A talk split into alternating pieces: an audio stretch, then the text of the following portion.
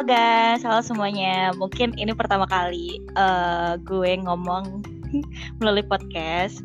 Tapi tenang, nggak cuma gue sendirian kok. Karena kalau gue sendirian pasti akan garing-garing gimana gitu ya.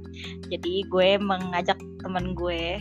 Jadi temen ya, temen tapi kayak gimana ya? Dibilang temen tapi sering berantem gitu.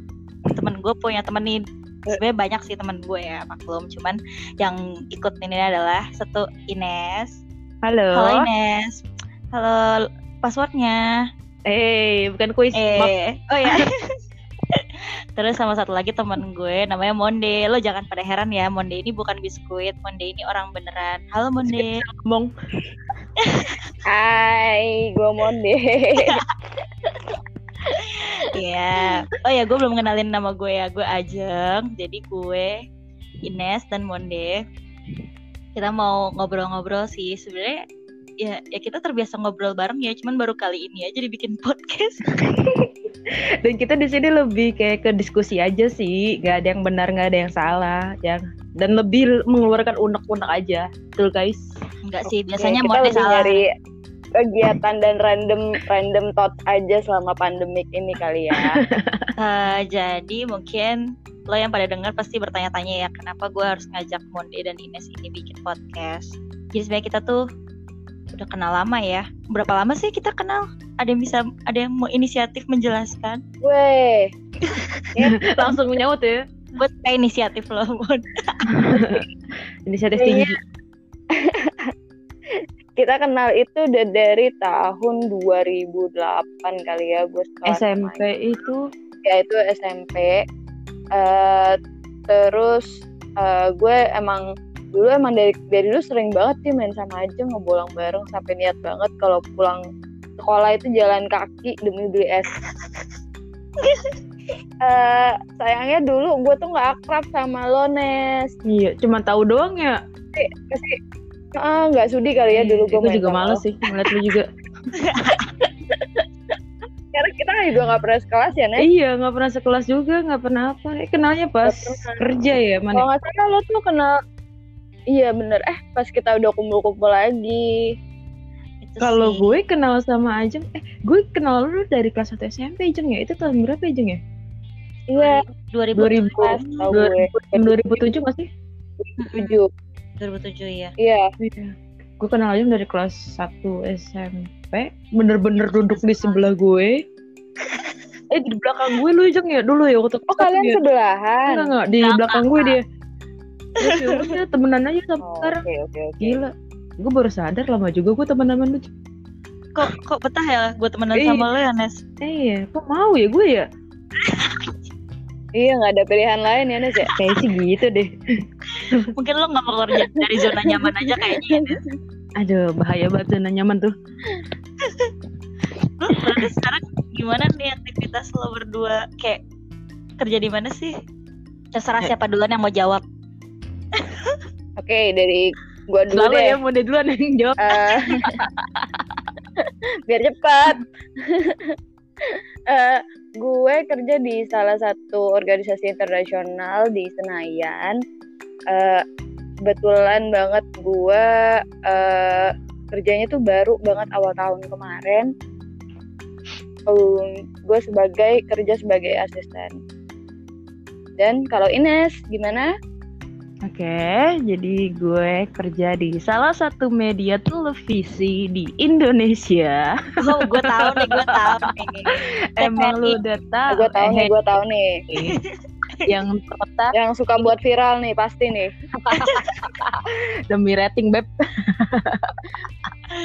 oke beb yang ada di Jakarta Barat. Oke, Udah. Hmm, sebagai anak produksinya sih. Oke, lanjut aja. Gue gue kerjanya di salah satu anak perusahaan BUMN sih di daerah Gatsu kantornya. Kalian tahu ya udah cukup tahu aja ya. Oke, semua orang tahu deh. Langsung tahu. Banyak banyak kalau BUMN di Ah. Gatsu. Kayak eh, em, Nah, kayak FYI aja. Hmm, Kalian pada langsung nyebut ya Senayan, Gatsu. Gue nggak bisa nyebut nih karena udah pada tahu langsung kalau gue nyebut daerahnya. Oh iya iya. iya. Oke, Eh ada di Jak- Iya langsung jelas banget ya. Ada ba- ada beberapa tahun ya di Jakarta Barat. Iya makanya gue nyebut Jakarta Barat. eh tapi gimana ya kayak banyak sih kalau lo pada baca Twitter kan pasti. Sebenarnya gini kayak di Twitter tuh banyak banget ya gue sering lihat di timeline. Kayak orang nyari kerja orang butuh kerja karena tahu-tahu mendadak jualan karena di PHK gitu-gitu. Kayak sedih gak sih lo nggak Iya ke mana banyak. ke mana Mm-mm. juga eh ke mana ke mana cuy maksudnya lo nggak bisa ke mana-mana terus kita juga banyak tahu nonton berita PHK di mana-mana lah terus di Twitter juga banyak yang tahu-tahu mendadak jualan karena di PHK dan gimana gimana ya banyak hal yang di luar di luar ekspektasi kita di awal tahun ya nggak sih Iya. Iya benar benar benar. yang nggak- Karena kan orang uh, udah uh, terpatok sama zona nyamannya mereka sendiri ya, nggak nyangka kalau eh, kejadian ini tuh bakal ba- banyak merugikan banyak pihak juga. Mm. Tapi gimana sih eh, selama pandemi gini efeknya ke kerjaan kalian gitu? Oke, dimulai dulu dari Ajeng deh. Padahal lo Hospital. duluan yang ngomong yang mana sialan. Kali ini gue lempar ke orang. Oke, tangkap deh. tangkep kalau gue sih eh, selama WFH eh sorry selama pandemi ini ya. Kita kan udah pandemi dari pertengahan Maret tuh 18 Maret ya.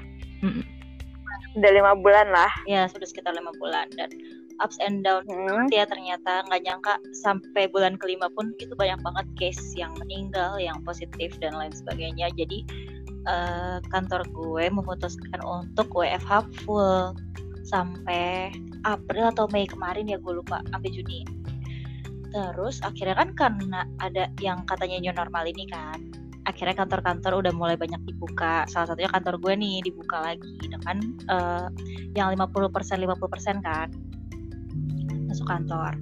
Nah cuman gue agak-agak ngeri-ngeri sedap sih sebenarnya kayak masalahnya itu adalah ternyata ada yang positif juga di salah satu gedung di daerah kantor gue gitu kan. Terus akhirnya kantor gue langsung mengambil inisiatif, oke kita mulai WFH lagi. Jadi dari Juni, Juni kalau nggak salah apa Mei, Juni lah Juni. Yang tadinya tuh udah mau full WFH, WFO ya, maksudnya selang-seling gitu. Akhirnya udah gue WFH lagi sampai sekarang benar-benar kayak ya udah lo kerja dari rumah lo support dari rumah ya mungkin plusnya gue nggak perlu ongkos dan nggak perlu jalan ke kantor jauh-jauh kali ya Bekasi Gatsu kan? Hmm. Hmm, lumayan. tepos beb gitu sih kalau gimana Mon atau Nes Kalau gue sih, gue sih ya lumayan bersyukur juga sih sebenarnya. Jadi kalau gue itu dari awal, eh, sorry pertengahan Maret itu gue WFH sampai sekarang cuy, nggak ada pengumuman WFH berakhir sampai kapan. Paling pas awal-awal pengumuman aja. eh, jadi kita ngikutin peraturan dari pemerintah.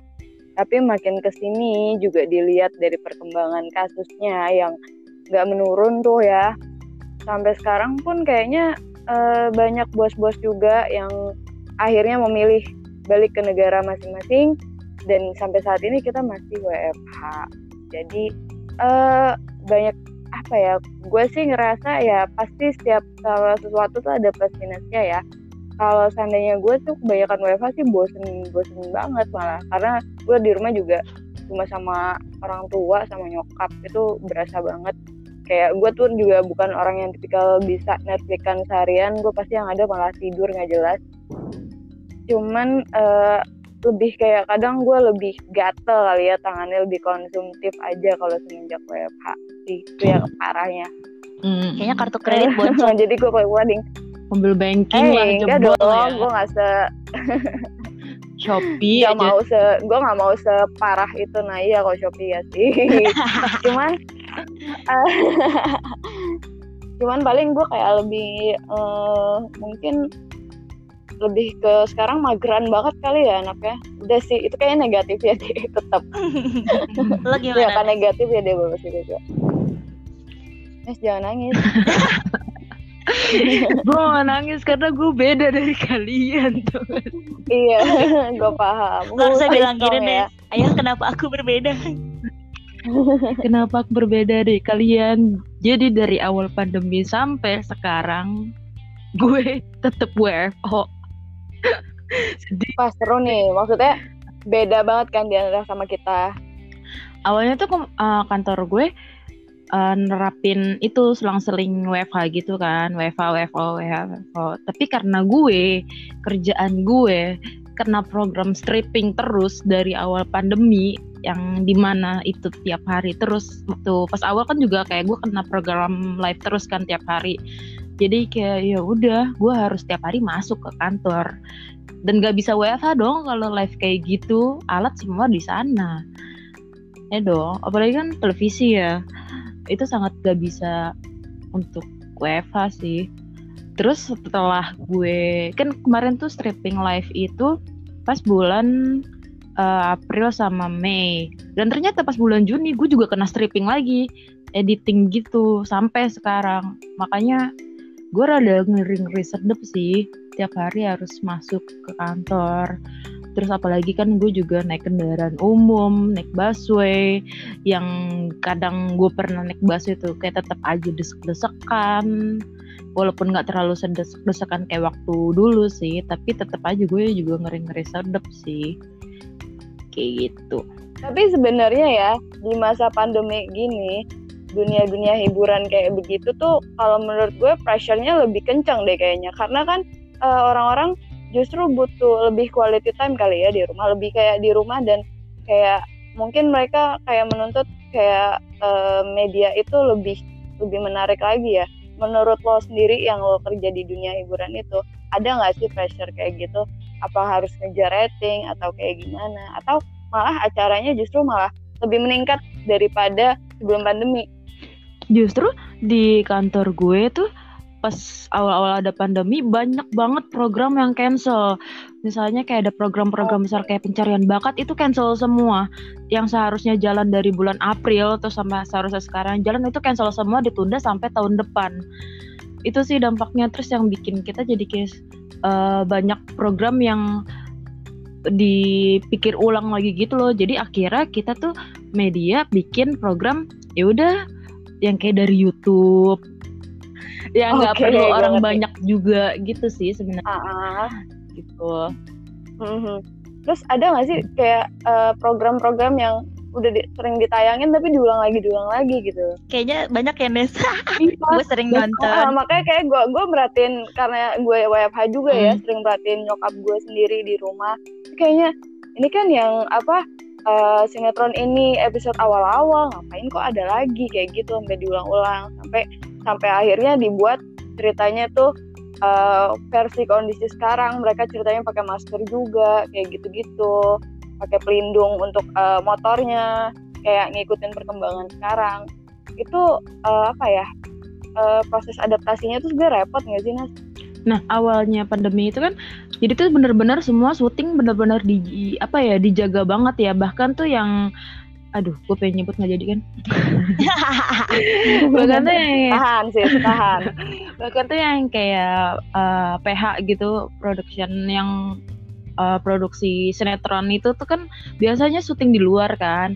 Nah itu semua syuting di kantor semua gitu. Makanya ada beberapa sinetron yang kalau kita lihat ya itu ya di kantor sebenarnya situasinya. Terus baru nih normal ini baru berani mulai keluar lagi keluar lagi. Karena waktu pas yang awal pandemi kita syuting di luar pun itu kita diusir sama warga.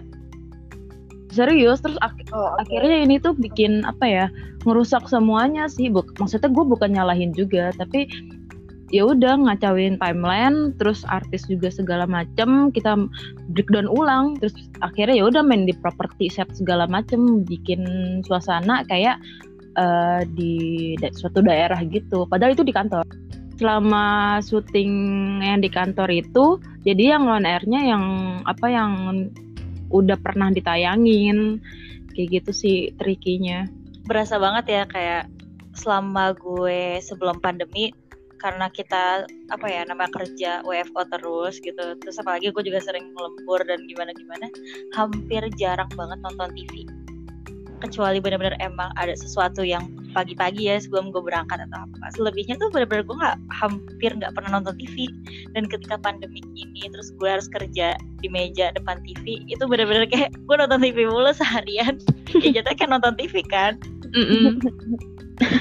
Gitu. loh itu gimana ya kayak eh, dari lo nya pasti bakal berasa ke pressure juga ya Nes. Ya dipaksa ya bukan dipaksa ya memang tuntutan pekerjaan pertama untuk WFO kedua untuk gimana creativity lagi menciptakan creativity itu lagi terus ketiga gimana caranya bikin set yang persis kayak di luar ya kan.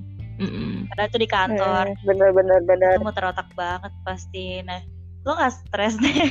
Gimana caranya lo tetap waras ya? Kalau jadi lo mungkin mungkin sering sambat kali ya. Oh iya.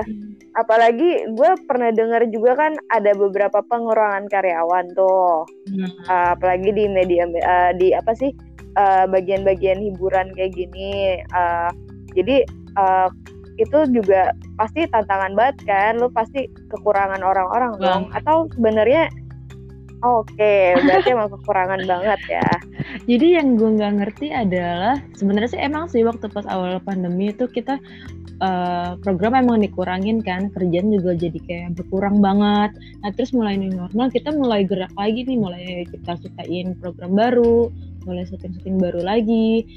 Nah saat kita, saat kemarin apa namanya pandemi itu pas awal-awal gue nggak tahu ya ini teori konspirasi atau bukan di kantor gue. Oke Tapi menurut orang-orang kantor gue, kita tuh kantor gue tuh masih stabil aja gitu. Maksudnya kan udah cukup company besar ya. Maksudnya masih keuangannya masih stabil lah untuk karyawan yang segitu banyak. Tapi kenapa banyak yang di PHK? Kayak gitu. Terus ada yang menyebut juga kayak ya udah eh, aja mumpung mumpung pandemi gitu terus jadi kayak pengurangan karyawan gitu gitu terus akhirnya pas new normal kayak gini mulai syuting mulai banyak lagi jadi blunder sendiri jadi kekurangan orang. Aneh kan? Lucu. Oke. Jadi lu kerjanya ekstra ya? Gitu deh. Terus orang-orang yang apa namanya yang pernah di PHK dipanggil-panggilin lagi buat jadi hire. Kan sama aja jatuhnya ya nggak sih? Lebih jadi balik lagi gitu? berarti intinya kayak cuma ngasih istirahat doang ya. Minta CLBK lagi setelah dibuang gitu kan. Kampret mohon ya. maaf nih.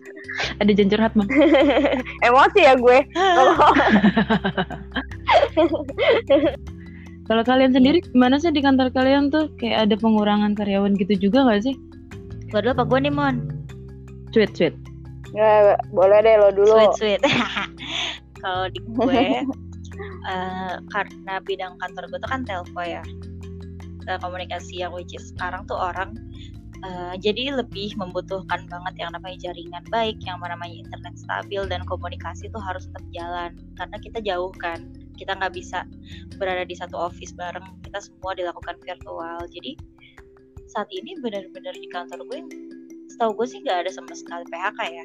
Malah tuh orang jadi kerja harus overtime jadi kerja extra effort karena yang namanya jaringan internet dan segala macam dan telco itu tuh semua harus stabil terus kan. Namanya kita menjaga kualitas ke customer ya.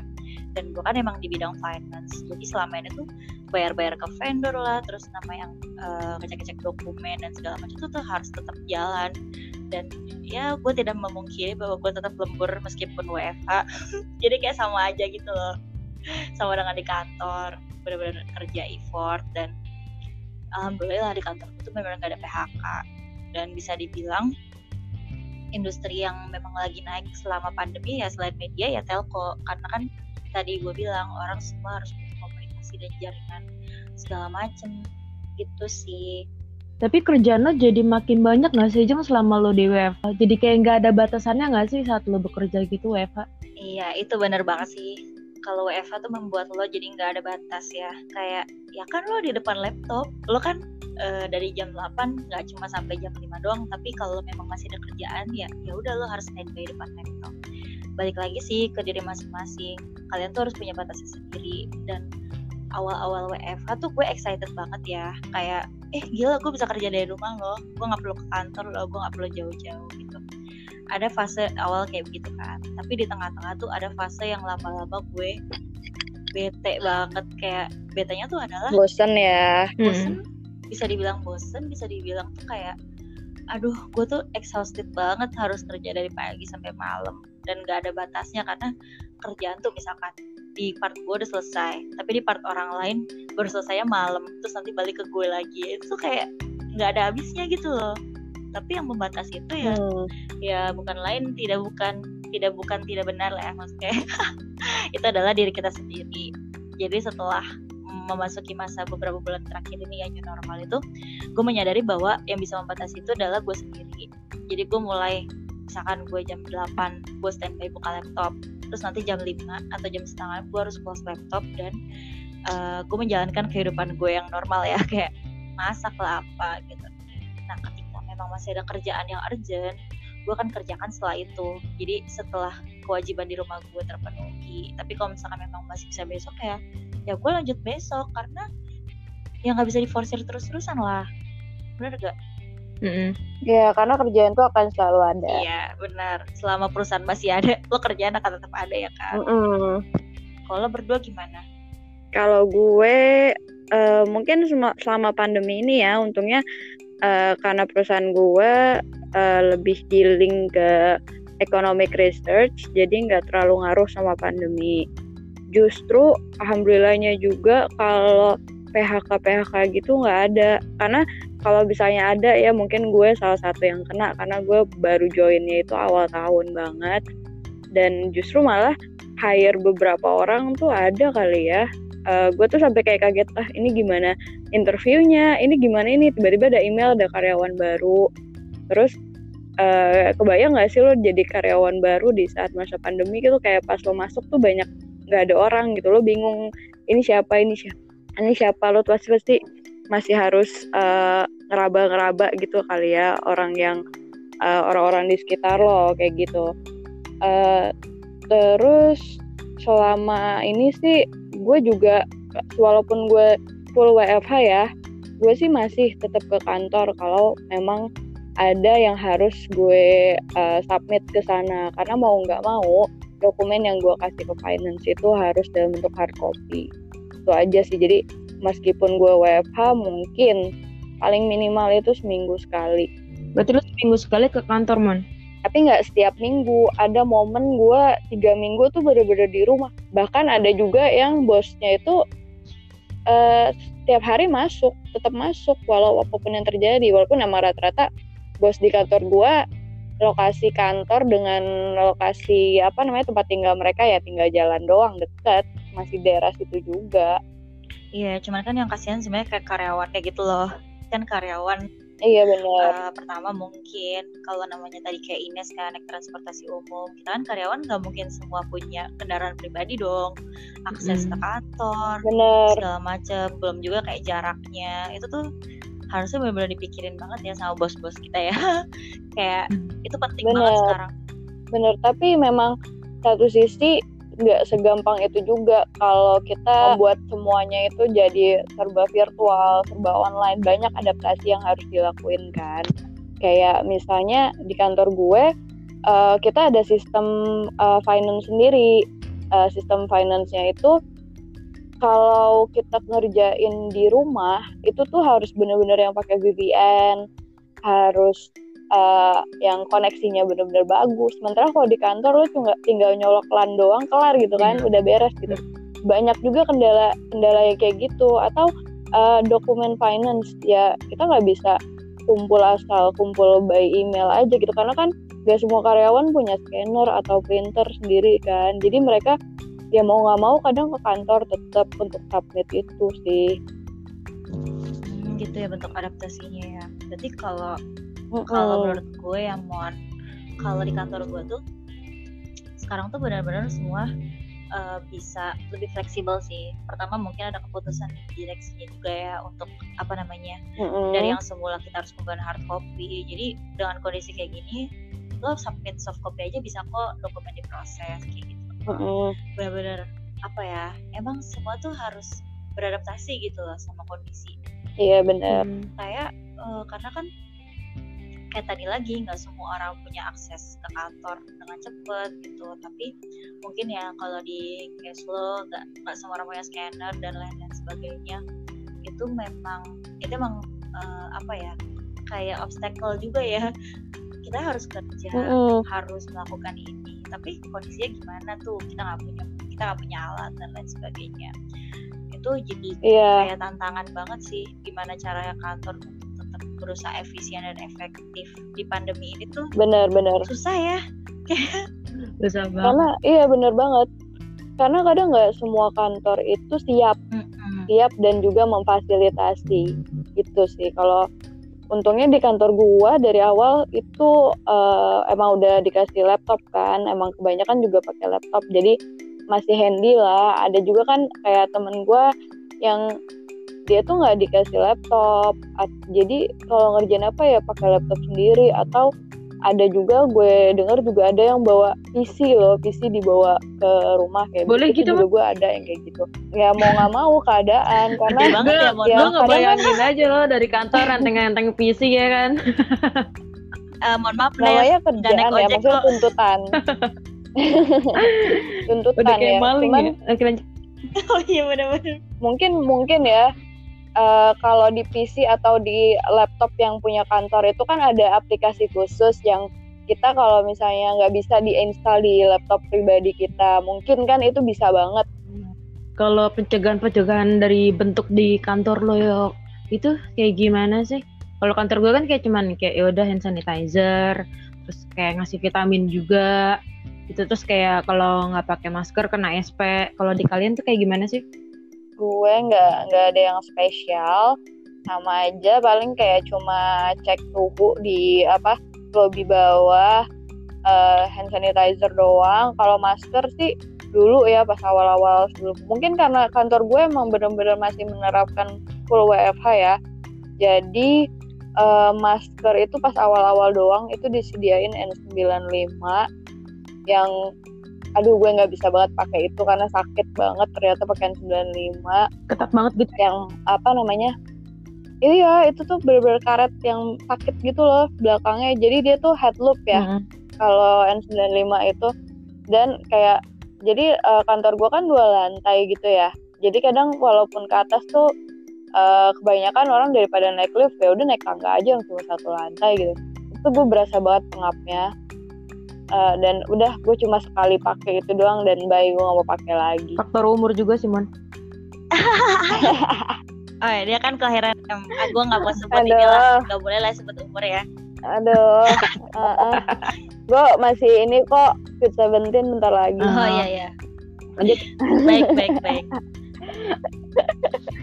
Nah kalau di gue ya bentuk pencegahannya tuh menurut gue memang eh, lebih baik ya kayak dari awal pandemi banget. Itu tuh kita udah disuruh suntik disuruh suntik vitamin C waktu itu sih sekitar bulan Maret gitu kalau nggak salah.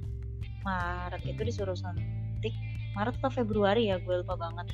Itu tuh padahal belum Maret deh, eh corona ya. belum ya? sebelum sebelum Oh iya iya iya. masuk.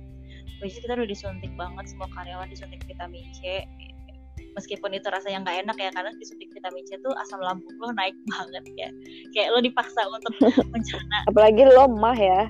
iya makanya kan nggak semua orang ini ya perut yang jadi kita tuh Hmm. harus makan dulu sebelum suntik gitu lah terus sebelum itu juga kita eh, disuruh ini disediain masker apalagi dulu pas awal-awal corona banget itu lo tahu harga masker mahal banget kan Iya parah banget ya. Parah parah parah. itu banyak banyak apa ya tengkulak ya istilahnya ya kayak orang beli murah terus dijual mahal mencari banyak banget. keuntungan. Heeh, dan lucky nih gitu loh kantor gue menyediakan itu menyediakan masker gue gak tahu sih harganya seberapa mahal ya waktu itu tapi kita dikasih masker Hmm. tuh masker yang surgical mask itu loh yang Yang biasa, Biasa. ya, yang, Yang apa yang biasa di Indomaret kayak gitu-gitu. Ya memang safe lah. Udah kan terus habis itu pas WFH beberapa bulan ini dan ketika mulai penerapan new normal itu eh, oh ya selama WFH itu namanya kita satu kantor ya satu unit itu ada grupnya gitu. Dan alhamdulillah tuh kayak atasan gue itu bener-bener care banget sama kita kita kayak kita tuh setiap hari wajib absensi gitu. Kayak kondisi badan kita gimana terus kondisi keluarga gimana. Dan kita memanfaatkan teknologi banget sih kayak eh, kantor gue tuh pakai aplikasi yang untuk absensi gitu loh jadi dan Mm-mm. dan absensinya tuh berupa eh, kondisi kesehatan gimana lagi kerja di di mana WFH atau WFO dan transportasi yang digunakan apa Oh, oke. misalkan WFO jadi ke tracking ya maksudnya mereka pasti Jadi dia ada kuesioner gitu ya, Jeng? Questionnaire sih eh gue kayak apa ya Mm-mm. kayak aplikasi yang buat kita bisa tinggal ngeklik doang lah gitu Hmm. itu kan kayak Oh, Google Docs nggak sih? enggak bukan Google Docs aplikasi one jadi kita ngeklik gitu Oh, Oke. kayak gitu kan. Nah itu kan mereka bisa dapat informasi kita real time juga ya kayak kondisi kesehatan kita gimana. Jadi itu salah satu bentuk mereka mantau kan. Nah ketika udah mulai new normal nih pastilah ya semua kantor didisinfektan dan lain sebagainya. Dan sebelum kita masuk tuh hamin seminggu hamin satu hari kita harus mengisi yang namanya self assessment kayak kondisi kesehatan lo gimana nih? Apakah eh, apa ya salah satu bentuk tracing juga sih kayak lo pergi ke tempat keramaian gak beberapa hari terakhir ini? Iya atau enggak terus kayak lo pergi ke tempat yang apa namanya apakah kalian merasakan gejala seperti pilek batuk gitu gitu itu kan berkaitan dengan kejujuran ya lo harus ngisi dong dengan jujur. Hmm. karena ya kan itu ber- berbahaya ya buat diri sendiri dan orang lain dan ketika nilai self assessmentnya itu normal baru lo boleh masuk kalau lo ternyata punya gejala-gejala pilek batuk fix gitu lo nggak boleh masuk kantor terus ketika sampai kantor pun nih pertama udah mulai cek suhu cek suhu disuruh cuci tangan di depan gate kantor jadi ada kayak apa alat yang cuci tangan itu loh sekarang yang portable wastafel Hand ya sanitizer. Mm. ada wastafel Oh, oke oke oke. ada wastafel ada hand sanitizer pokoknya sekomplit itu terus yang namanya di lift itu kan ada apa namanya sekarang tuh udah dijarak-jarakin banget ya satu lift cuma boleh beberapa orang. Iya. dan di kantor pun eh gue disuruh suntik lagi tuh vitamin C yang which is kayak oh, oh my god. Ini benar-benar bikin asam lambung naik banget tapi gue tahu itu itu emang salah satu bentuk kepedulian perusahaan ya karena memastikan semua karyawan sehat. Terus kayak akhirnya dikasih masker lagi terus dikasih hand sanitizer dan dikasih face shield juga ya karena sekarang face shield itu kayak perlu juga ya sebenarnya Tapi gue nggak pernah pakai loh kayak ya apa males aja. iya sih sebenarnya lebih penting. penting masker sih terus iya iya iya benar benar benar. apa eh, setelah itu eh, kita dikasih makan siang nih makan siang sama sarapan bagi yang WFO itu tuh karena bentuk pencegahan Hmm. supaya kita nggak beli makan di luar ya kan? Heeh. Benar. karena kalau beli makan di luar eh, kita balik lagi nih apakah itu bersih? Apakah orang yang bikin eh, menggunakan bahan-bahan masakan yang star apa steril dan bersih higienis gitu-gitu kan? kayak kayak gue di treat well banget lah ceritanya. Gue kasih makan siang dikasih sarapan. Kalau bagi yang masuk kantor transportasinya tuh ditanggung kantor. Jadi kayak gue mau naik taksi pulang pergi itu bisa di reimburse itu bener-bener Enak ya. oh my god baik banget kantor Mm-mm. gue gitu. Iya. nah cuman akhirnya karena Tapi lo nyiapin hmm, kenapa? Nyiapin ini gak sih peralatan makan sendiri? peralatan makan sendiri iya gue selalu bawa sih. Tapi seringnya nggak dipakai mon Karena kan biasanya- aja. di tem- apa di packingan makan siang kan selalu ada sendok garpunya lagi kan. Jadi jadinya nggak kepake Benar, kayak gitu lah terus Jadinya males ya ntar nyucinya lagi. mm-mm, males aja sih gue orangnya terus ya udah deh jadi kayak apa ya dengan adanya pandemi ini tuh jadi kantor gue lebih aware lebih care banget soal kesehatan semua karyawannya ya nggak sih Iya, Mungkin karena lu kantor lu BUMN yang gede kali ya. Jadi cukup diperhatikan. Mm-mm, dan menurut gue kayak apa ya harusnya harusnya kantor-kantor lain juga lebih aware gitu loh sama karyawannya karena kan karyawan itu aset gak sih Iya. Ya, tapi tidak semua termindset. Iya, nggak semua kantor kayak Iya, gitu.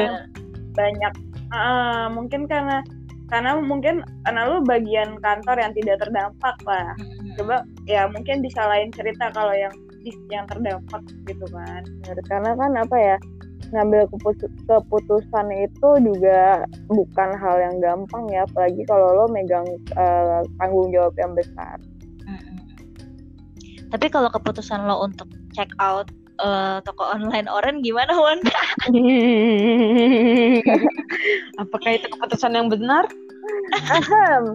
Itu eh, eh, biasanya nanti kalau udah check out baru gue nyesel ya mampus duit gue gitu gitu kan Kayak sering tapi kalau terjadi udah deh kayak datang gitu. barangnya baru gue happy Ah, gitu ya. langsung auto miskin ya Oke, terakhir gimana nih pesan dari kalian buat apa ya ngadepin pandemi ini?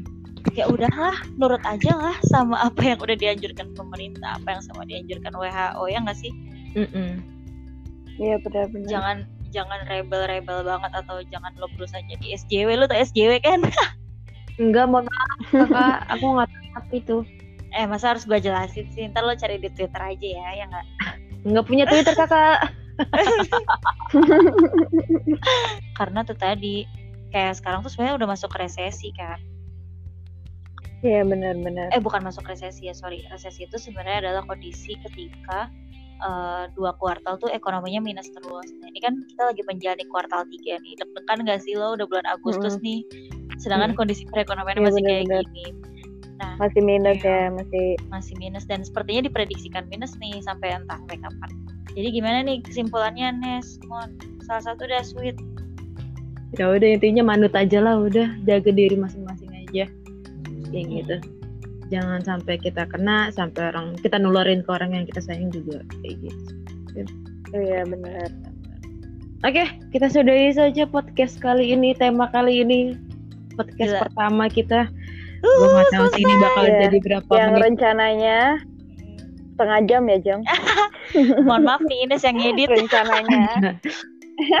oh iya benar benar benar boleh. Ah, Ibu. begadang nih saya nih. kerja kerja ya Bu, weekend tetap kerja ya. ya udah tutup aja. Yuk, kita tutup podcast kali ini. Oke. See Dadah. Sampai ketemu di podcast ya. selanjutnya. Bye bye. Bye-bye.